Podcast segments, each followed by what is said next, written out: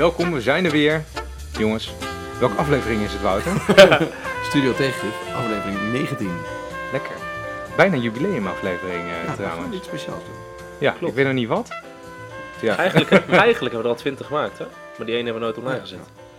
Ja. Dus dit is eigenlijk onze jubileumaflevering.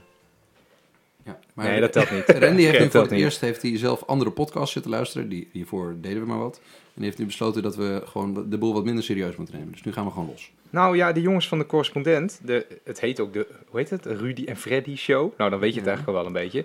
Die kloten gewoon maar wat aan. Wij nemen dit veel te serieus. Ja, we bereiden voor, we lezen ons in, noem maar op. Ja. Dat is nu afgelopen. Het is nu afgelopen. Aan de luisteraars, het niveau gaat schrikbarend omlaag vanaf het moment dat u nu luistert. Zullen we over CBS-rapporten gaan praten? Man, ja, dat is, eigenlijk man. staat dit weer haaks op eh, ons voornemen Ja, nee, om wat dat- aan te ja, kutten. ook gewoon leuk, ja. Ma- Mag ik het eh, introduceren?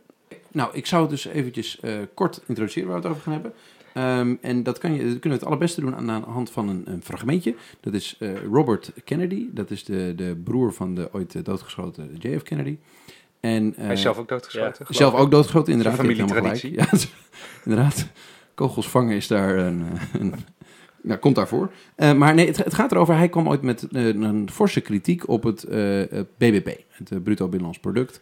Omdat hij vond dat daar eh, eigenlijk niet de, de welvaart of het welzijn echt van een, van een maatschappij, van een volk mee gemeten werd. En dat was de eerste die zei van jongens, we moeten hele andere dingen meten dan alleen maar hoe groot onze economie is.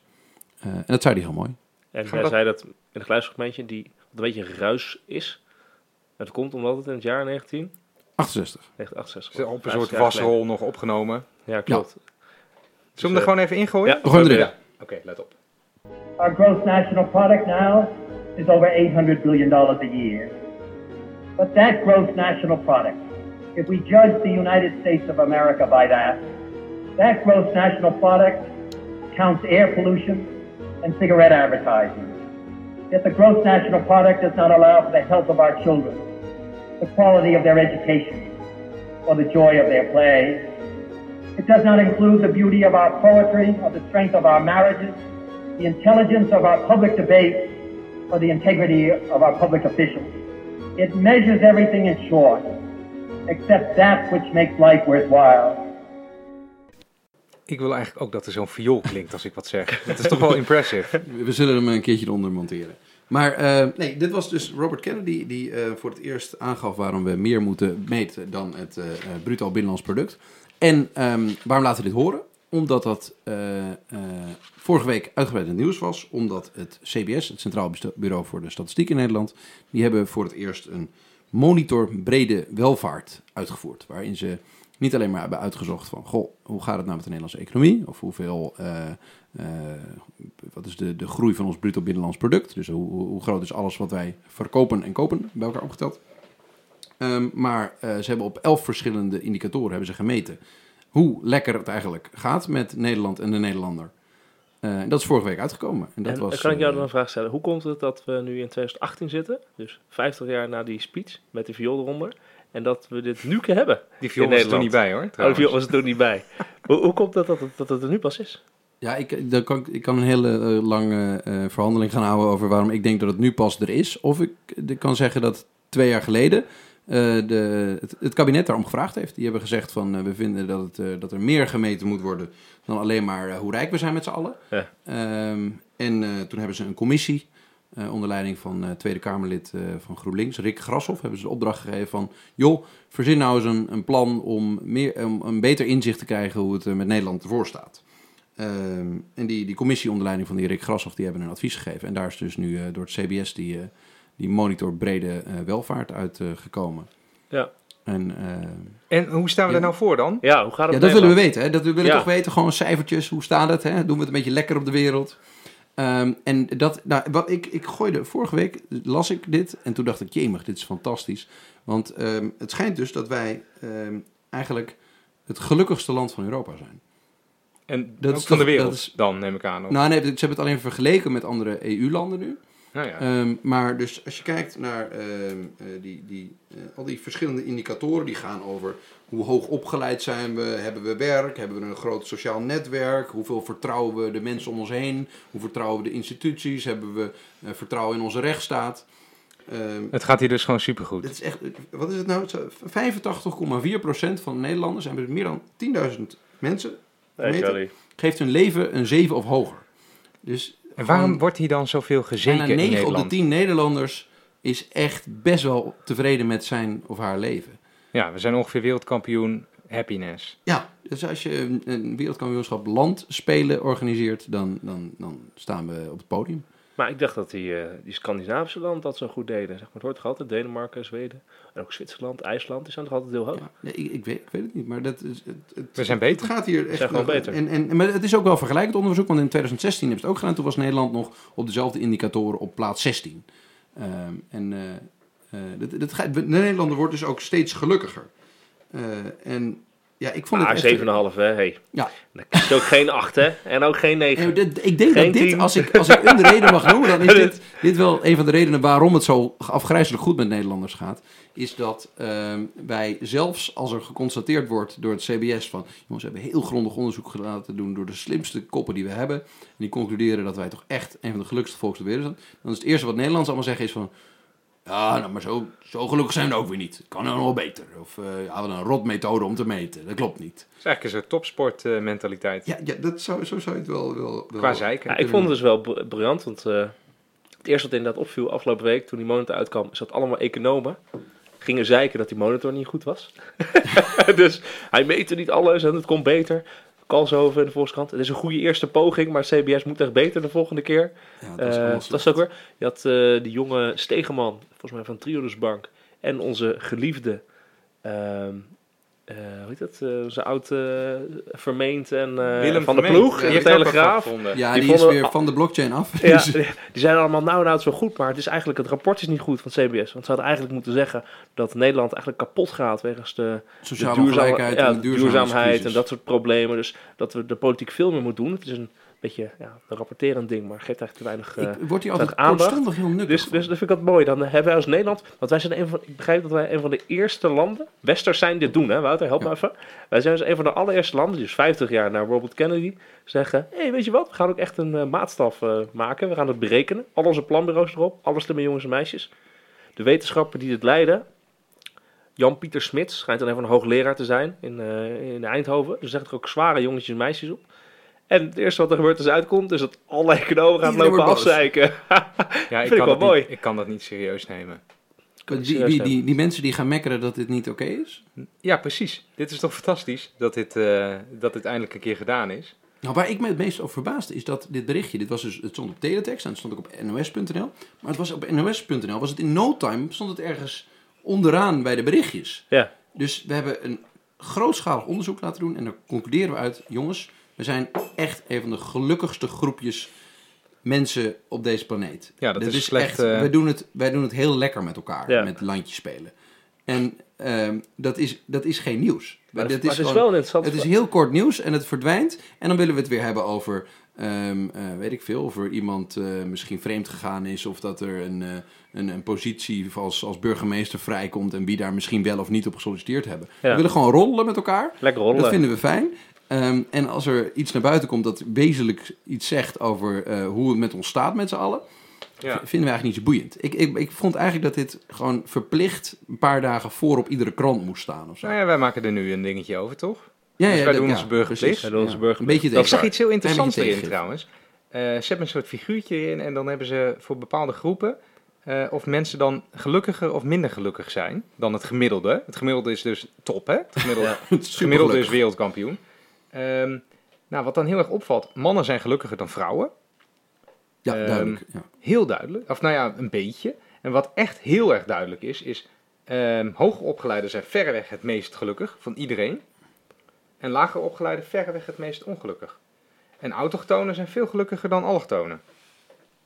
Is toch wel, ja, u kunt het niet zien, eh, beste luisteraar, maar Het zijn behoorlijke rode en groene Ja, bolletjes die dus precies de andere kant Dit op was, dit was Ja. ook van die, die, die meneer eh, Stegeman op eh, RTL. eh, hoe heet die Stegeman? Ja. op RTL de de, de ja. grootste eh, eh, kritiek. Dat er dus wel gemeten wordt hoe gelukkig we zijn en hoe hoog opgeleid we zijn en hoeveel sociale interactie we hebben en hoe, hoeveel vertrouwen we in de rechtsstaat hebben en of we de democratie nog leuk vinden of we lekker participeren. Ehm, maar dat er weinig eh, waardeoordelen in gegeven worden over welke groepen nou niet gelukkig zijn. Dus Ja, maar die- dat is dus die- interessant, want Dat is dat is onzin, precies hier het staat het verhaal. toch? Nee, maar dat is precies het verhaal. Kijk, de, de, dat eh, zegt die, eh, in al die discussies hierover, of het BBP, waarom het niet goed is, en waarom je dus dit zou moeten meten, wordt dus inderdaad gezegd, ja, het BBP is best wel makkelijk, hè. BBP is gewoon een maat van, het gaat omhoog of het gaat omlaag. Ja, Dus op het moment, ja, dus op het moment dat het het niet goed ook is, weer? Het bruto binnenlands product, van alle toegevoegde Ja, ja, eh, waarde van diensten en producten in, in Nederland. We, zijn- we zouden het minder economisch Ja, we zijn er minder economisch maken. Ik probeer, maar oké, dus de vraag is dan van, eh, daar kan je gewoon zeggen, het moet omhoog of het moet omlaag. Dus het is duidelijk wat het doel is. Hè? Het moet Ja, eigenlijk ja. vooral Iedereen is het één over eens Goeie, dat het goeie, omhoog moet. Maar dit is geen eenduidige score, die monitor brede welvaart. Dus het is lastig om erop te sturen. Dat zegt het CBS ook. Ik zeg van ja, nou, het is leuk hè. 65 buitenlandse statistische bureaus, dus collega's van het CBS zeggen... dit is hartstikke mooi. Dit is het mooiste wat ooit is Ja, gemaakt aan brede, brede welvaartmonitor. Maar vervolgens zegt die, die projectleider, die eh, hoogleraar Jan-Pieter Smits, die zegt ook van... ja, ehm, mooi voor alle erkenning, maar we moeten nog wel die monitor gaan gebruiken. En wat gaat de politiek in Nederland er in hemelsnaam mee doen? Eh, want we weten allemaal wat we met het BBP moeten doen. Eh, maar wat moeten we met deze eh, brede monitor? Dat is natuurlijk wel een interessante vraag. De, hier gaat natuurlijk een debat over volgen, ergens in de Tweede Kamer. En ik ben benieuwd wat er dan, eh, wat er dan mee gaat gebeuren. Is de les dan niet eh, om je juist niet blind te staren op één getalletje, maar gewoon met gezond verstand na te denken over wat goed leven is en wat prettig leven is? Ja, nee, dat is waar. Dat is waar. Nee, Nou, we hebben nee, gelijk nou, nou, ik weet niet, mij leert het ook wel dat we heel goed moeten kijken naar waar nog... Kijk, politiek gaat in principe altijd over problemen. Politiek gaat erover, ehm wat willen we anders, zodat, een, eh, zodat de macht en de welvaart in een eh, stukje land goed verdeeld is. En eh, dit geeft wel inzicht over waar we het met elkaar over oneens kunnen zijn, van waar we nog wat te schaven hebben aan ons maatschappelijk model. Het geeft heel duidelijk aan dat er dus bepaalde groepen zijn die heel ongelukkig zijn. Ja. Nou, dan, da- daar moet je wezen als politicus, denk ik. Ja, dat lijkt me ook. Dus ik hoop dat de politiek hier dan vervolgens iets mee doet. En ik hoop dus ook dat we dit blijven uitbrengen. Ja. Hè, dus dat elke twee jaar of zo, misschien wel elk jaar, dat het uitgebracht gaat worden. Maar misschien ook dus inderdaad met, eh, misschien moet er aanbeveling in. Kijk, alle planbureaus en dat- het CBS, dat staat kijk, het dus in, CBS ja. doet gewoon, eh, die, maakt, die Gewoon doet tellen. gewoon tellen. En die levert gewoon statistieken. Maar op zelf zou natuurlijk het Sociaal Cultureel Planbureau, Planbureau voor de Leefomgeving, CPB, zouden ook adviezen eh, of hierin kunnen doen. Nou, Kim Putters heeft er ook een, eh, de, de, de voorzitter van het? Sociaal Cultureel Planbureau, Directeur, maar de directeur, eh, die heeft er een stukje over geschreven. Wat ik mij daar vooral van herinner is dat hij is eigenlijk schreef, ja, maar wij doen dit al heel lang. Nou, ja, dat is heel goed. Wat zegt hij nou verder? Oh ja, dat er eh, hardnekkige verschillen zijn tussen, nou wat we net zeiden eigenlijk, tussen eh, geslacht, opleiding en afkomst. Dus lager opgeleiden, allochtonen en vrouwen zijn minder gelukkig. Ja, Ja. die moeten we toch een beetje... eh, Wat een andere kritiek is die, die je heel veel hoorde. Dus we zijn echt knetterblij met z'n allen. En vind dat, ik kan dat eigenlijk niet vaak genoeg Ah. zeggen. Dat wij in een heel gaaf land wonen. gemiddeld zijn we wel Dus blij. dat is trouwens ook mooi. Dat eigenlijk, Rutte had gewoon gelijk. We wonen gewoon in een gaaf land. Klopt. Is ook zo. Mensen zijn gaaf, blij en super. Maar eh, wat er mis vindt, eh, vinden veel mensen die dan een beetje kritiek hebben op die werkwijze van het eh, CBS, is dat het echt een momentopname is die niet kijkt naar hoe staat Nederland er over tien jaar voor als we doorgaan op de wijze waarop we nu met onze natuurlijke hulpbronnen omgaan. Het is heel erg op Ja, de is gericht. precies hetzelfde als... Ja. Nu ga ik even met eh, CPB-voorspellingen. Die zijn precies hetzelfde gegaan. Eerst korte termijn, eerst een momentopname, dan een korte termijn voorspelling. En dan zei iedereen, oh, je moet ook structureel. En dan gaan we nog iets structureels doen. Dat gaat hier ook gebeuren. Over vijf jaar moet het CBS ook voorspellingen maken tot 2040. ja, Dan zijn ze toch het Centraal Planbureau geworden. Ja, nou, ze doen het dan samen met, CBM, met het CPB en het Planbureau voor de Leefomgeving en het Centraal Planbureau. Die ramen al, hè. Dus die maken voorspellingen tot ver in de toekomst. Dus dat ze dat hiermee ook gaan doen, prima. hey, maar even een ander vraagje dan. Hè? Ehm, we staan er dus helemaal super voor. Eh, maar de Nederlandse politiek draait eigenlijk alleen maar over boze mensen en eh, alles, is, eh, alles is kut en alles is waardeloos. Hoe Dat- verklaar dat, Dat even, was ook Wouter? precies mijn vraag. Van, hoe kan het nou dat je, als je... Nou, ik zit wel eens op Twitter, jullie volgens mij ook wel eens. En de- op Twitter De beerput van de ziel. Daar, daar, dat is een soort van moddergooi Ja, speelplaats. Dat is die 10% ongelukkig. voor- voor volwassenen. Twitter. Ehm, maar Ja. de- de- je- als je lang op Twitter rondstruint, of weet ik veel, je gaat eh, een, een, gewoon een weekje de Telegraaf lezen, dan denk je dat hier ehm, de revolutie nabij is. Dat de zondvloed eh, op uitbreken staat. Ja, Eh, en omdat iedereen het over heeft, dat, dat, het, dat, dat de burger... Er zijn allemaal mensen die heel hard mogen roepen dat de burger het niet meer pikt.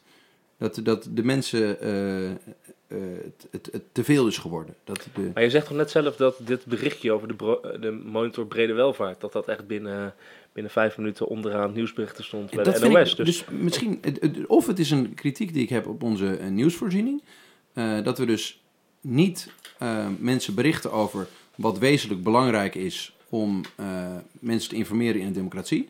ja. Of ehm, wij, eh, het boeit ons gewoon allemaal geen, geen bal meer. We willen ook gewoon alleen maar roddels Ja, horen. maar jij wilt toch wel op mensen stemmen die, ze, die, die, die die monitor pakken en zeggen van, Ja. joh, ik die- zie allemaal rode bolletjes. en daar ga dat ik is mee doen. verschrikkelijk. Ja. Dat ga ik aanpakken. Dat is dat, dat hoor ik niet. Ik hoor alleen maar mensen die zeggen: eh, de burger pikt het niet meer. Onze identiteit gaat naar de ellende. De man mag geen man meer zijn. Eh, dit- dit- allemaal mensen die heel boos zijn zonder daar enige grond van eh, onderzoek eh, voor te hebben. Nou ja, staat er, worden die dingen onderzocht in de monitor brede welvaart? Even een checkvraag. Nee, Nee, dus Omdat het waarom hebben ze dan geen grond het- om het- iets over, te vinden? Nee, omdat het meestal gewoon. Ik, ik, vind, ik ben gewoon benieuwd naar hoe komt het dat als je het breed onderzoekt Ja. onder zoveel mogelijk Nederlanders, dat die de- donderend gelukkig zijn. En dat wanneer je eh, kijkt naar onze sociale media en ons, veel van onze mainstream media, dat je dan de impressie krijgt dat eh, het, het water eh, bijna aan de dijk staat. Nou, dat hangt gewoon samen. Wij, zijn- wij zeiken gewoon zo goed op alles, dat heel veel dingen gewoon verbeterd zijn. Als ergens een paaltje een beetje in de weg staat in Nederland, dan regent het boze brieven bij de gemeente. En dan wordt het opgelost. Ja, we, hebben gewoon, we hebben allemaal eh Cor van der Laaks die de boel Ja. doormidden zijn. Al die, al die groene bolletjes komen door ons eiken. Ja, dat is eigenlijk wat er aan de dat, hand hebben, is. dat hebben we allemaal bij Ja. elkaar gezeten. Oké, maar die, die, die groepen die nu allemaal aan het zeiken zijn, een beetje de, de, de, de, de, de nieuwrechtse, eh, want dit- dat, zijn- dat zijn de groepen die het meeste hoort. Maar links zeikt er ook. Iedereen zeikt. Elke politieke partij zeikt, toch? Dat is het de doel van de politieke partij. van, hoor. Ja. Ja, je hebt misschien weer wel een punt. GroenLinks Maar, zeikt ook. Iedereen zeikt. dus, dus jullie zeggen 50 eigenlijk, het is goed dat er zoveel gezeken wordt, maar je moet het niet al te serieus nemen, want het gaat hartstikke lekker. Ja, Is ja ik hoe- zeg een beetje, wij Ja? kijken elkaar een beetje Ja. glazen gaan nu. Ja. Ik heb, eh, ja, wat voor lessen moet je hier eigenlijk uit trekken? Ja, het gaat hartstikke goed. Nou, maar het gaat dus echt niet zo goed met lager opgeleiden, hè? Die zijn Ja, hartstikke maar daar hoor je, dat, je- dat zie je nooit, dat is nooit het debat. Het debat is, eh, onze cultuur wordt kapot gemaakt. Ja, maar misschien klagen die Eh. mensen daar ook wel over. Er staat alleen niet in de brede, brede monitor. Ja, maar ik, het, de, als je brede die, die, die welvaart. monitor heeft het nou niet echt over dat die mensen ongelukkig zijn omdat ze het gevoel hebben dat ze geen Sinterklaasfeest meer mogen vieren. Eh, die monitor heeft het over of die mensen kansen hebben in het leven of een, eh, eh, en, en hoe, hoe hun eh, sociale situatie is. En of ze Ja, maar dus, die, wordt, hier wordt objectief gemeten of mensen het, rood staan in hun welvaart. Dat Mhm. is zeg maar wat, wat het, Ja, en wat ze zelf dus subjectief vinden, dat, of, of dat wordt niet gemeten. Nee. nee. Dus Maar dat goed, is een interessante vraag. Ja. Ja, ja, ik herken, je herkent dan wel dat, dat eh, de mensen die zeggen ik ben niet blij, ja, die hebben ook een significant lagere welvaart. Hè, dus al, dat al die blije hoogopgeleiden dan lekker GroenLinks stemmen en zo. Ja, Ja, nou, dat is waar. Dat, Ja. dat blijkt dan te kloppen, hè? want die zijn hartstikke blij en die hebben tijd eh, om na te denken over vlinders en zo en over het milieu. Eh maar de lager opgeleiden, die hebben gewoon echt een, een serieus hele lage welvaart vergeleken met eh, de rest. En allochtonen ook. Ja. Het is ook niet gek dat ze allemaal bo- boos naar het denk lopen, als je dit zo ziet. Toch? Maar ik weet trouwens ook niet of de aanname dat blije mensen op progressieve en gevestigde partijen stemmen en boze mensen dan Dat- op... dat, op- doe- die doe je net zelf, hè? Ja. Die, die, ma- die aanname maak je net. Ja, ik hoor- Ja, ik maar die hoor je zelf, altijd. toch? Die, die, hoor je, die hoor je overal altijd. Ehm, ik weet niet of dat waar is, maar het, de- die bolletjes hier, ja, laten we nu over die bolletjes ophouden, maar Ja. dat lijkt het wel een beetje te ondersteunen. Ja, ik- vind het, ik, ben, ik merk vaak dat, dat ik, ik heb het gevoel dat de, de stem van de blije, tevreden Nederlander, dat die te weinig gehoord wordt en onderschat wordt. Nee, ik denk juist niet. Ik denk juist dat de mensen die hier stemmen, Ja. vooral de hoogopgeleide stemmen. Ja, dit, Die dit- hele groene, die bolle, groene, die groene bolletjes, die stemmen allemaal. Die rode bolletjes, die stemmen het juist minder. Maar dus als iemand nog eens roept... Dat, er wordt eh, minder de- gestemd door eh allochtonen, er wordt minder gestemd door, eh, door, eh, door lage inkomens. Nou, dat zijn Ja. de twee grootste rode, rode bolletjes die eruit springen. Dus eigenlijk worden juist, die worden juist ondervertegenwoordigd in de politiek. Oh nee, ik bedoel in het publieke debat. Ja, ook in het publiek debat, denk ik eigenlijk. Oké. Oh, dat, dat, dat geloof ik totaal niet. Hoe gelukkig Nee. ben jij eigenlijk? Ik hoor dat, jij, dat je iets gaat doen eh, volgende zaterdag. Wat was het ook alweer? Ja, ik ben best wel gelukkig, ja. Nee, nee, ik ga binnenkort een kindje krijgen. Dat is heel mooi. Ja. Dat is mooi, hè? En je ging naar de... En je Moet het ging je naar de... uittrekken. Ik- Ik vraag me af of in de monitor brede welvaart of ergens een score staat hoe gelukkig je wordt van het kopen van een Volvo. Jij ook? Ja, Ja, ik vraag me af. Ik, weet, ik heb nog nooit Volvo gekocht. Hebben jullie wel eens Volvo gekocht? Ik Nee. ook niet. Ik ga het ook nooit doen, denk ik eigenlijk. Ik weet Nee, niet of ik dat ik vind ik zo burgerlijk. Ja, vind je het burgerlijk? Ja, burgerlijkheid is een ideaal. Ik denk dat je over vijf jaar ook voor dit Ik denk dat, kijk nou jongens, we zitten hier drie mannen met een overhemd aan, een beetje welvarend te wezen. Op een uh, studeerkamer. Zo moet ik aan mijn werk. Wij zijn een groen bolletje, dat is waar. We zijn duidelijk een groen Hey, bolletje. kan ik jullie wat, eh, zal ik jullie wat eh, vertellen? Is leuks? Ja? Leuk heb ik uitgezocht. Nou? Ik ben echt De heel benieuwd. monitor nu. brede welvaart. Die eh, komt een beetje overeen met dat er eh, wel eens mensen waren die zeiden, weet je wat, we moeten het bruto nationaal gel- geluk gaan meten. Oh ja, ja. Het geluk in een land. En nu is de grote vraag, welk land, jullie weten het al, maar doen als we het niet weet, welk land in de wereld voor de eerste keer dacht, we gaan het bruto nationaal geluk meten. Die maar, vertel. Vertel, ik zou het niet weten. Bhutan! Het land Bhutan. Waar ligt dat? Dat ligt bij Nepal in de buurt.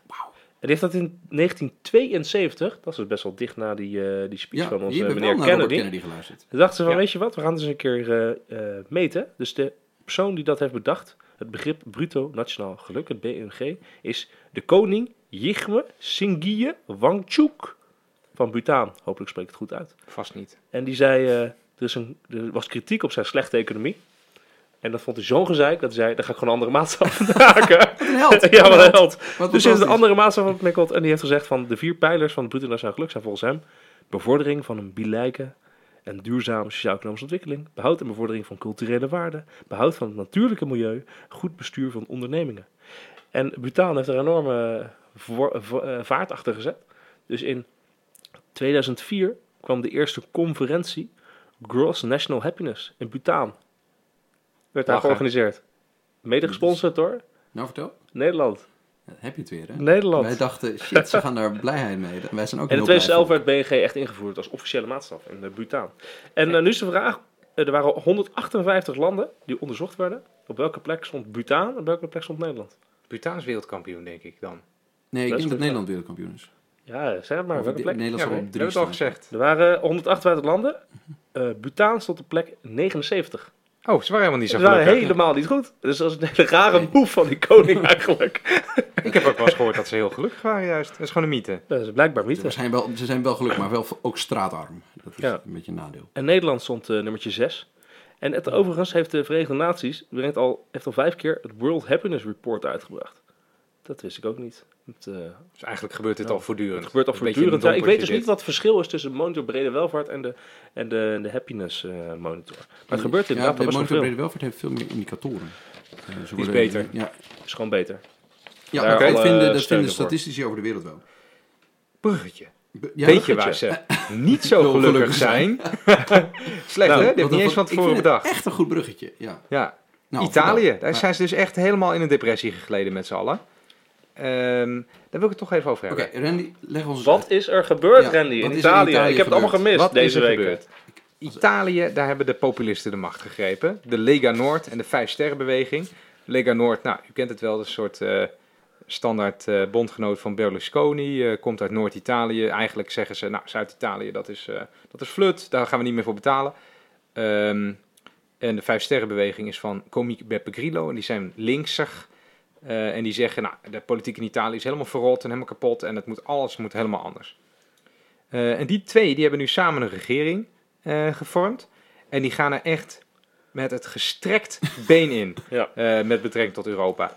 Zij zeggen, ja, dikke vinger naar Frankfurt en naar Brussel. Jullie economische Frankfurt regeltjes. en Brussel? De Europese Frankfurt? Centrale Bank zit in, In Frankfurt. Frankfurt. En in Brussel zit Brussel. De Belgen. De, de, de schandebok van alles wat de politiek niet, eh, niet deugt in De Europa. Europese natuurlijk. Commissie. Zit De Europese Commissie. Ja. Nou, onze luisteraars, die weten dat toch ook wel? Ik weet niet. eh, Die zijn, ja, die zijn gewoon blij. Het, eh, ik begreep net dat we het correspondentachtig moeten doen. Dus dat we gewoon een beetje moeten... Beetje oude. Heel simpel. Ja. Ja. Maar ga door. Frankfurt, Brussel, dikke middelvinger. Ja, ja, en die komen er dus met een gestrekt been in. Die zeggen, eerst lekte uit tijdens hun formatie dat ze 250 miljard eh, schulden kwijtschelding eh, wilden hebben. Want Italië heeft, nou ja, eh, zoals iedereen weet, een soort astronomische staatsschuld van 150% van het bbp. Het is een van de grootste eh, staatsschulden ter wereld. En het is, iedereen kan van 100 kilometer afstand zien dat dat niet goed gaat. Eh, en dat ze dat eigenlijk niet terug kunnen betalen. Ehm, en het hele Europese beleid is heel lang gemodelleerd geweest op het Duitse model eigenlijk. Hè. Je moet begrotingsevenwicht nastreven. Je moet een handelsoverschot nastreven. Eh, heel veel macro-economen zouden zeggen, nou, dat is ook helemaal geen goed beleid. Eh, maar Italië, die, die kan dat gewoon niet. Het Italiaanse model is, nou, we, we, we, we, we gaan gewoon van jetje. eh, en als het geld dan weer op is, dan devalueren we de lieren. En dan komen we er op die manier wel weer uit. En dan, Ja. hè, dan wordt die schuld wat minder, minder waard. En dan kunnen we weer een beetje exporteren. wat, wat hebben ze nu gedaan?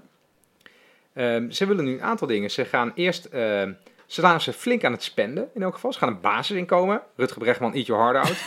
Een basisinkomen. 780 euro per maand, hè? 780 euro per maand. Voor de- blijkbaar elk Italiaan. Voor iedereen. Helemaal. Nee, maar, maar wat het fascinerende is, dat het een soort huwelijk is tussen linkse en rechtse populisten. Dat, Ja. het, dat die elkaar gevonden hebben. Klopt. En dat die er ook nog uitkomen. En dat Italië was daarvoor best wel een conservatief land. Waar je echt een hele soort van eh, een bureaucratische elite had van, van mensen die uitmaakten wat er in het land gebeurde. En nu zijn er dus twee clubs. De, de, de radicaal rechtse afscheidingsbeweging uit het noorden. Die zich permanent verzet tegen, tegen eh, migranten en asielzoekers. Mhm. Hebben een huwelijk gesloten met de mensen die zeggen... de corruptie moet verholpen worden. eh, we willen het democratisch bestel omvergooien. We gaan alles anders doen. Ja, Ja, en ze niet, zeggen- een, niet een klein beetje, want die vijf sterrenbeweging heeft dus nu, even om het in perspectief te zetten, 33% van stemmen gehaald. Uit, eigenlijk uit niks, hè? 33% van de stemmen. En ze hebben dus 36% van alle, alle zetels, zeg maar, in het parlement. En Ja. die, die, die eh, Lega die heeft dus eh, eh, 17% van de stemmen. eh 20% van de, van de zetels. En die zijn dus ook van 4% in 2013, nu zijn 17%. Dus het zijn twee enorme opkomende partijen. Ja. Terwijl het in die zin, eh, het gaat niet heel goed economisch in Italië, maar het is Nee, niet het, een heel, crisis. het gaat heel slecht eh, nog steeds. Nou, Ja. Werkloosheid is heel hoog. En eh, iedereen voelt eraan als het straks weer eh, een crisis wordt, economisch gezien. Dan gaat Italië helemaal kopje onder.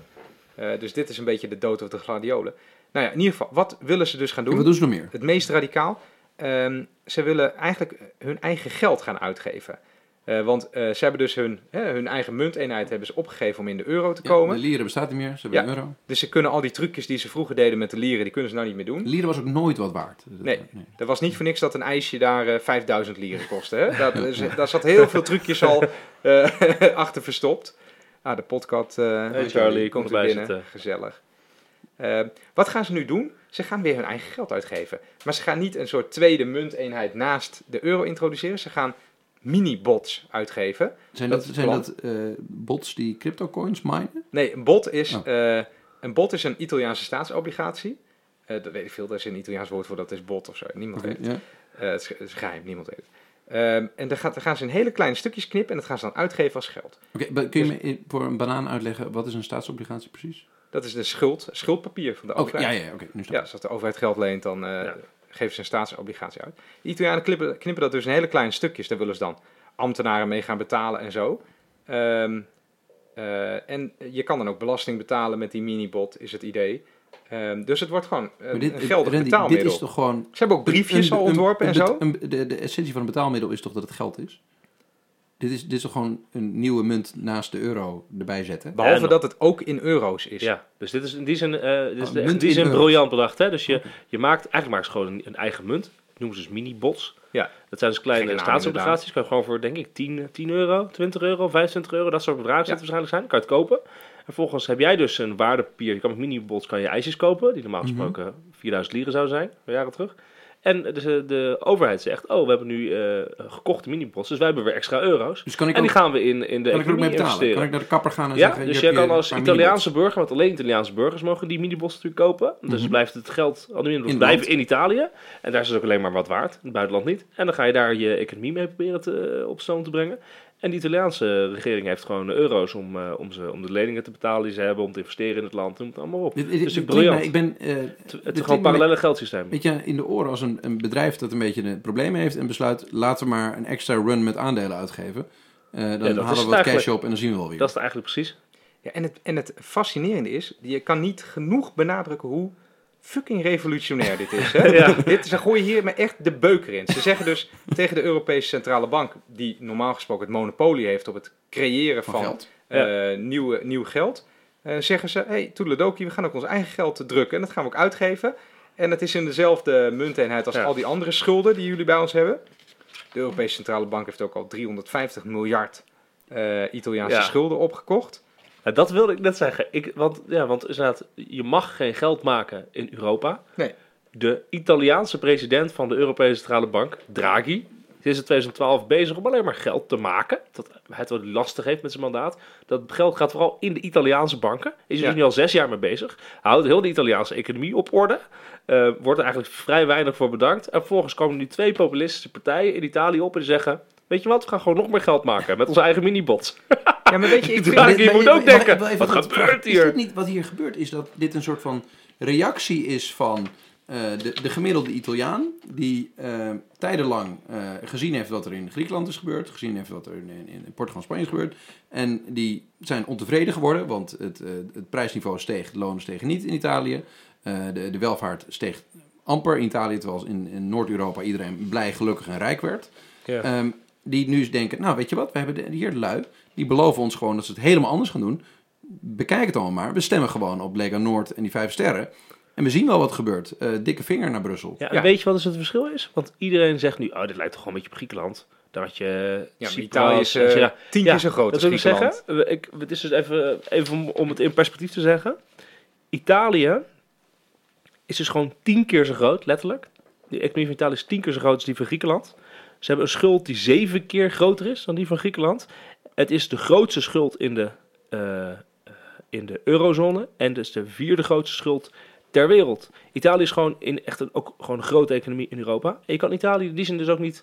Je kan niet uiteindelijk laten vallen, maar je kan het niet redden. Hè? Want dat, is, dat kost gewoon te veel geld. Dus zij doen nu een soort chicken game. Van joh, we gaan, gewoon, we gaan het gewoon doen. En kijk maar, eh, kom maar. Ja, het en het is... interessante is, op, op Griekenland kwam een enorme reactie op de financiële markten. Want ja, Griekenland, dat kan kapot, zeg maar. Maar ik, ik, je ziet Oh, tot dus nu toe nog vrij weinig. Ja, je ziet tot nu toe nog vrij weinig eh, reactie op de Ja, financiële markten. mensen weten ook niet wat ze hiermee aan moeten. Nee. Ja, jij noemt het een, een game of chicken. Ik denk dat het... eh, misschien is het meer dat Italië zegt... Jongens, we hebben gekeken naar Griekenland. We hebben daarvan geleerd. We hebben een manier bedacht om jullie zo hard bij de ballen te pakken... dat jullie ons wel ons zin moeten geven. Dus een afschrijving van onze staatsschuld. Eh, want die Italianen die hebben, die, die pikken het niet meer, volgens mij. Ik denk dat, eh, dat wij in Noord-Europa te lang gedacht hebben... oh, met ons gaat nu wel weer lekker, dus het, hè, het komt dan wel goed. Het loopt wel los. Maar wat gaat dit, Ja. wat, ik, ik vind het wel interessant wat dit dan voor de, de, de solidariteit in de Europese Unie gaat betekenen. Want met Griekenland hadden we nog allemaal, de konden we allemaal ah, die Grieken zijn allemaal lui en die hebben alles weggegooid en die hebben de hoge staatsschuld en de corruptie is daar te hoog en niemand betaalt belasting en ze, moeten, Ja. ze gaan op hun eh, dertigste met pensioen. Ehm, maar bij Italië kunnen we dat wel gaan roepen. Ehm, maar het loont niet echt om niet meer solidair te zijn met de Italianen, want dat zijn er te veel en hun economie is te groot. Ja, Ja, Italië ehm, kan de eurozone opblazen, denk ik. Ja, die hebben het op dat denk ik de ook. omvang er En gewoon je ziet voor. ook bij eh, CNN, toch wel een redelijk groot nieuwszender, zou je zeggen. Ja, Die, had dus, eh, die schrijft gewoon op van de, ja, de Italiaanse nieuwe overheid. Dat is gewoon, er wordt gewoon de nieuwe crisis van Europa. De Ja. volgende crisis. Dit, wordt, dit moet gewoon een crisis worden. Want je weet niet hoe je hier met z'n allen moet reageren. Iedereen wordt onzeker. Je zag ook meteen dat de begrotingscommissaris eh, van de Europese Commissie, de zeer bekende Valdis Dombrovskis, die kennen jullie allemaal. Nooit van gehoord. Deze man is die Financiële schittert door stabiliteit afwezigheid. Die is permanent afwezig, behalve nu. Dus die deed een openbaar verhaal van... jullie moeten wel een beetje normaal begrotingsbeleid gaan houden. Want, want eh, anders blaas je de euro op. De Franse minister heeft het gezegd. De Nederlandse minister heeft gezegd. Je ziet iedereen Ik weet, eh, wel, dit ik roepen. weet, ik weet wel wat ze bij de vijf sterrenbeweging En zeiden. daar zeggen ze alleen maar... Ciao. Lekker. Goed bezig, zeggen zij natuurlijk daar, die Italianen. Want die denken, ja. ons hele... Ze hebben gewoon campagne gevoerd tegen de EU... Tegen de begrotingsnormen, tegen het, eh, tegen het monetair beleid, tegen de migratieagenda van de EU. Zij voelen zich gewoon enorm, eh, zeker in het zuiden, daar zit ook een achterband voor een groot gedeelte. Die Italianen voelen zich gewoon steek gelaten. Die zagen al die vluchtelingen eh, uit Afrika bij hun op de stranden komen. En die Ja. hebben zoiets, ja, we moesten ze allemaal maar hier, eh, Ja, hier helpen. Maar hebben die, geen geen hulp. wij hebben die Mochten ze Italianen niet toch ook doorduwen totaal naar, in de, stront, eh, in de stront laten zakken met die migratiestromen daar. Er, is, er was helemaal geen Europese solidariteit. Daar spoelden iedere dag duizenden mensen Ja. aan. En wij zeiden, oh ja, maar dat is ik- eh, ik moet wel het zeggen, verdrag van Dublin, dat moet je daar was- regelen. Eh, ik was een half jaar geleden in, eh, in Italië op, eh, op huwelijksreis aan het wezen. En wat mij daar zo verbaast is dat in Nederland hebben wij ons heel druk gemaakt over AZC's die in bepaalde ehm, dorpen eh, kwamen of waar eh, asielzoekers opgevangen werden. Daar was gewoon in ieder dorp waar een supermarkt is, staan Afrikanen bij de deur van de supermarkt om jouw karretje weg te brengen. Dus niet ieder dorp Om geld te verdienen. om een euro te verdienen. Mensen Ja. die gewoon een paar euro's... Dit echt, het zijn overal Afrikaanse mensen. In wordt- het, op het platteland, hè? Ja, maar vind je het dan gek dat mensen zeggen, hé, hey, eh, werkt dit eigenlijk wel, dit migratiebeleid?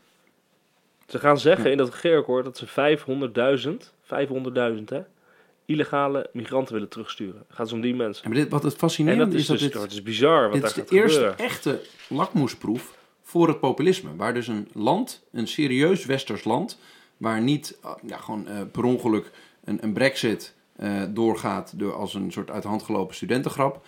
Ehm, maar eh, twee populistische partijen komen samen aan de macht, hebben een agenda waarvan de alle gevestigde politieke belangen zeggen: dit kan niet. Je gaat een basisinkomen doen, je gaat de, de belastingen structureel verlagen, je gaat de uitgaven structureel verhogen, je gaat een half miljoen immigranten eh, de deur wijzen, eh, je gaat een nieuwe munt introduceren. Je gaat allemaal dingen doen waarvan wij allemaal denken: dat kan niet. Ja. Dat is echt super spannend. De eerste proef waarbij populisten dus het mandaat krijgen van: nou, ga maar doen. Ja, de, je allemaal belooft. dit Ga maar doen. test voor Europa hoor. Test voor Europa. Want ze doen even alles zeg maar wat Wilders hier roept. Dat doen zij ook hè. Dus eh, dat tegen de Europese Commissie, Ja. tegen de begrotingsnormen, tegen de islam zijn ze ook tegen. Tegen, alle, tegen de Roma zijn ze ook. Tegen migratie. Ehm, maar ze hebben nu gewoon 52% of een- die best wel ruime in die zin. Nog wel Ze meerderheid. Ze Ja. hebben echt steun en ze moeten dat nu gaan doen. En stel je nou voor dat dit lukt met de minibots en dit programma. En ze blijven daar echt, ze doen de kabinetsperiode vol daar. Ik kan, ik kan er bijna niet kan de gevestigde voorstellen. orde wel inpakken. Dan kan de gevestigde ja. orde in een aantal landen natuurlijk gewoon echt inpakken. Want als het in Hongarije kan, als het in Italië kan, als het in Amerika kan, dan gaat hier echt wat gebeuren. Ja, en, en, en ja, in Spanje zitten ze al toe te kijken. In, in, Frankrijk zitten ze toe te Dat kijken. In Portugal zitten, heel Zuid-Europa zit van... Goh, wat doen de Italianen nu eigenlijk? Dat is, dat zijn, die zijn met het meest. Zou het daar een- lukken? Mag ik een boekje introduceren? Ja. Ik, had, ik was dit, eh, de vorige keer zat ik hier het al lukt wel om het lekker niet intellectueel te houden. Ja, maar dat maakt niet uit. Hier luistert toch alleen maar eh Nerds. Ja, we, zitten we al 35 minuten. U bent een nerd, kamergeleerde. eh, er luisteraar, luistert toch al niemand meer. ja. Ik dacht, toen ik de Italianen hoorde over we moeten terug naar, naar pre-Maastricht. eh, eh, de meeste mensen zullen denken, pre-Maastricht, hè, sla het op. Het gaat om het verdrag van Maastricht. En dat is eigenlijk Het is in 1992. Ja, precies. In Maastricht was het ook. En dat is eigenlijk de economische eh, grondwet van de Unie. Eh, en dat is een volstrekt neoliberaal document. Dat is louter door sociaaldemocraten ondertekend. Hè. Wim Kok was erbij en Gerhard Schreuder en, en Tony Blair. Die hebben toen hè, de linkse zaak volledig verkocht. Dit is, dit is op, volledig op konto van Randy. Ja, je, bent- je bent het ermee eens als je het zou lezen. Eh, wat, waar komt het verdrag van Maastricht op neer? Eigenlijk drie dingen, hoofdzakelijk.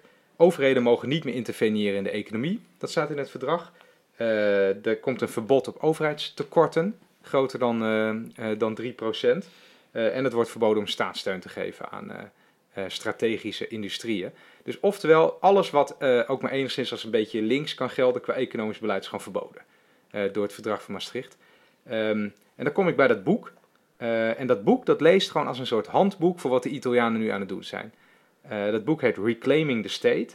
Ehm, en dat is van heterodoxe economen. Dus dat zijn een beetje alternatieve mensen die aan de, aan de marge staan. Hè, die verketterd worden door de mensen die officieel eh er verstand van hebben. Eh, William Mitchell en eh, Thomas Fazi. En die zeggen eigenlijk, ehm, landen moeten economisch soeverein zijn. Ze moeten hun eigen munt hebben. De euro, dat is een, een vergissing van monumentale proporties. Want als je niet je eigen munt hebt, dan kan je dus ook niet geld bijdrukken wanneer je dat nodig hebt. En zij zeggen kort gezegd, overheden moeten tekorten lopen eh, tot op het punt dat de, dat de werkloosheid is verdwenen. Want zij zeggen, werkloosheid is gewoon ehm, verspilling van, van middelen eigenlijk. Je hebt een arbeidsmacht, hè? je hebt gewoon mensen die kunnen werken en die zitten gewoon thuis. Niks te doen. Dat is verspilling. Iedere dag dat die mensen thuis zitten. En de overheid kan het oplossen door met zijn eigen munt eh, uitgaven te doen. Eh, totdat de economie weer hè, zo vlot draait dit dat is die echt mensen... gedachtegoed, zou je in Nederland zeggen, van de jaren 50, 60, 70. Misschien Ja. in ieder geval jaren 60, 70 met volledige werkgelegenheid en, eh en overheidstekorten net zo groot als. eh, als Ik denk als je dit in Nederland Dit in een, een publiek debat zegt, dan word je voor gek verklaard. Ja, absoluut, Nu 100%. op dit moment, Hij wordt Ja. helemaal gek verklaard. Ja. Ja, zeker. En maar dat, dat is makkelijk vanuit Nederland. En daar Ja. bentelen we ons ook heel lang in. Ja, maar de Italianen moeten gewoon hervormen. Eh, maar als je nu nog met een hervormingsprogramma in Italië komt, dan breekt er gewoon eh, letterlijk revolutie uit. Je kan het wel vergeten. De populisten hebben daar de macht al overgenomen. Hè? Ja. Dus de boodschap gaat u maar even lekker hervormen. Nou, daar wens ik iedereen heel veel succes eh, mee bij de verkiezingen. Ja, je vraagt je wel af dat als het niet lukt al 40 jaar om daar neoclassiek te hervormen. Of het dan ook lukt, wel lukt om daar populistisch te hervormen. Namelijk of ze deze ik- programma's wel kunnen uitvoeren. We moeten ook maar, even een soort kleine maar ik ben heel benieuwd of dat, eh, wat, gaat lukken. wat het, het enge is, is dat ehm, wat, wat- als je goed kijkt naar wat ze nu voorstellen, ze, ze stellen een basisinkomen van 780 euro per maand voor. Ze stellen voor om het hoogste eh, de belastingschijf in Italië ehm, van 40 naar 20 procent te doen. Ook voor grote bedrijven. Eh, ja. Ook voor de vermogensbelasting hebben ze daar al niet. Nee. Eh, dat is al een soort van eh, matsen van rijke mensen vanuit staatswegen. En dat, dus ze gaan enerzijds structureel toegevoegde uitgaven doen, anderzijds belastingen structureel verlagen. En ze ehm, hebben lak aan hun eigen staatsschuld. Dat zijn eigenlijk vier of drie dingen die wij niet, met elkaar, die niet helemaal lekker met elkaar samengaan. Ehm, en het, het, het grote risico is natuurlijk dat dit volledig in de soep loopt en er nog grotere ehm, de charlatans eh, de politieke macht grijpen met een boodschap van ja, zie je wel, we hebben niet genoeg immigranten eruit gesmeten. Of we hebben niet hard Zeker. genoeg opgetreden tegen welke groep dan maar ook men de schuld wil geven. Ja, maar dan ga je er al vanuit dat dit wel in de soep zal lopen. Ja, dat, dat is inderdaad Ja. dat is het, het risico dat de het gemiddelde westerling vast wel als reëel ziet. Ja, Je ziet er nu ook, eh, interessant, de, ze hebben nu nieuwe president aange... nieuwe premier. Premier, heet sorry, die? nieuwe premier aangezet. Conte. Conte. Dat is een, een jurist, een professor, eh, eh, ook wel eh, enigszins internationaal bekend. En die werd ervoor geschoven zonder enige politieke ervaring als de compromiskandidaat tussen eh, Lega en de Vijf Sterrenbeweging. En die man wordt nu eh, al meteen kapot gemaakt binnen 24 uur dat hij, eh, dat hij wordt op het eh, schild is gehezen. Want hij schijnt een, op zijn cv misschien een foutje te hebben. Namelijk dat hij niet echt aan de New York University heeft gestudeerd. Dus iedereen maakt hem daar op kapot. Maar hij is hoogleraar, Maar toch? hij is hoogleraar. Dus Hij hij wordt allemaal bij elkaar gelogen. ja, dat sowieso. Dat doe je als je hoogleraar bent. Ze Randy, zo werkt dat in de wereld. Ehm, maar, maar Ja, dat was een je- grapje. Jij bent ook heel blij. Maar, maar dat is interessant. Zij zien meteen van, ze zeggen inderdaad van, wij worden kapot gemaakt door die, door die, door die elite, door die gevestigde belangen, die nu meteen onze premierkandidaat gaan, eh, Ja. gaan kapot maken in de media. En iedereen roept inderdaad van, ja, onze economie gaat kapot met jullie plannen. Onze economie gaat kapot. Dit moet fout lopen. En wat gaat er dan gebeuren? Maar ze zeggen, ja, we willen gewoon een kans. Ja, en als we dit worden werkt, gewoon eh, Oh. zwart gemaakt, bij voorbaat. Als dit werkt, is het, is het einde euro en dan is het einde eh, van alle gevestigde partijen in heel Zuid-Europa. Want dan ja, gaan ze dit daarna, allemaal doen. daarna Noord-Europa. Dan, dan is dit echt een soort, eh, soort bende. Dat is, Ik denk eh, dat dit wel groter kan worden dan de Brexit. De Brexit Ja, zijn ja, gewoon ja, ja, dat Britten die er altijd maar half bij waren, die nu vertrekken. Italië is een oprichtend lid van de Unie, een heel groot land. Eh, die kunnen de hele boel opblazen. Maar, mag ik als afsluiting Ja, ja, één ja. dingetje zeggen? nog een leuk ding? Ik moest namelijk wel lachen toen ik een beetje ging voorbereiden voor deze podcast. Dan ga je zoeken naar Italië en er staan problemen. En de meest inhoudelijke eh, stuk vond ik bij RTL. Bij RTL als een soort eh, columnisten. vragen, vragen en antwoorden gedaan Hele van wat gebeurt er nou in Italië. Er was, werd allemaal interessante dingen verteld. En toen de allerlaatste vraag, dat vond ik gewoon briljant. Ehm, alles vraagt naar RTL. Maar kan je als toerist dan nog gewoon naar, op vakantie naar Italië? Ja, dit heb ik ook gelezen. En het antwoord was, absoluut. Toeristen zijn zo ontzettend welkom. De kwakkelende economie van Italië kan niet zonder toerisme. Het is goed voor een tiende van de Italiaanse economie. Nou, dat is toch wel even rustgevend, toch? Ja, we kunnen we gewoon nog kunnen lekker doen. naar de camping op Tosca in Toscane. Niks aan de hand. Ja, je wordt je karretje ook nog ingeleverd. Bij de supermarkt. Door, Door een. Door, door, door een ongelukkige Afrikaan. Als het nog zijn. Ja. Of hoor bij de 500.000 of zij. Ik vind het leuk om, eh, de- om maar even te, te benadrukken dat eh, als dit echt huge wordt, het Italië-ding, was Ja. het weer Studio Tegengif, waar u het als eerste hoorde. Nou, ik Dat heb het al claim, eerder, ik heb het al eerder gehoord ergens. Overigens moeten we dan zeggen, we zijn er vergeten dat mensen zich kunnen abonneren op deze podcast. Want ik heb iets te veel mensen die de afgelopen weken zeggen, wie maar, wanneer komt er weer een nieuwe podcast? En die verwachten dan dat ik eh één minuut eh, of elke minuut aan het twitteren ben dat, ik, dat er een nieuwe podcast is, of dat ik berichtjes ga sturen of appen. Maar je kan je gewoon abonneren, toch? Ja. En hoe dan? Hoe werkt dat Hoe dan? werkt dat? Wouter? Je, Hoe je, werkt het? op je, als je een iPhone hebt, zit er standaard een podcast-app op. En dan zoek je op Studio Tegengif en dan druk je op abonneer. En dan krijg je elke twee weken, als wij een nieuw hebben gemaakt, dan krijg je een signaaltje. En dan, eh, dan Wat kun je, voor signaaltje? En dan kun je dus eh, die podcast luisteren. Dan word je er automatisch op gewezen. En anders dan eh, download je een podcast-app als je een Android-telefoon hebt. Zoals eh, Podcast Addict of wat gebruik jij? Soundcloud, Podcast Addict, allebei. Nee, Soundcloud is Soundcloud is dus iets minder handig. Want Soundcloud geeft je niet een automatische notificatie wanneer er iets dat jij volgt een nieuw ding heeft. Maar bijvoorbeeld Podcast Addict of een andere podcast-app, die geeft je een eh, notificatie dat er van Studio Tegengif weer een nieuwe aflevering is. En dan eh, staat altijd de nieuwste aflevering van de podcast die jij leuk vindt, staat bovenaan. En die kan je dan Ja. automatisch gaan luisteren. Dus hoef je zelfs niet wie maar op Twitter te volgen om te weten dat er een nieuwe podcast is. Dus ik kan hem gewoon ontvolgen. Precies. Overigens, kunnen mensen... Wanneer eh, zullen we eens een keer vragen of, of mensen zelf, luisteraars zelf een, een, een, een idee hebben waar we iets over kunnen doen? Moet dat? Nee, dat moet niet. Het is veel makkelijker om het gewoon zelf te verzinnen. Nee, dat maar is misschien leuk. zijn er Ja. wel veel betere ideeën dan. Verzoeknummertjes. Verzoeknummertjes. Inbellers. Kunnen we, kunnen we dat technisch regelen? Ja, Inbellers. natuurlijk. Inbellers kunnen ook. Ja. We kunnen ook wel weer eens een interview doen als mensen het leuk vinden. Ehm, maar we hebben het wel gezellig met z'n drieën. Oh ja, natuurlijk. Toen denk ik op We hebben één keer een gast gehad hè, toen hij op vakantie was. Ja, ja, ja. Ja. Echt de beste aflevering Dat ooit. was de beste aflevering die, die er is Dat was inhoudelijk ook. Ja. Goed, het Voetbal International van de politiek is weer eh, ten einde. Bedankt voor het luisteren. Ja, dankjewel. Hartstikke, dat was weer leuk. Volgende Ja. week jubileum. Ja, Zeker. Gaan we vieren.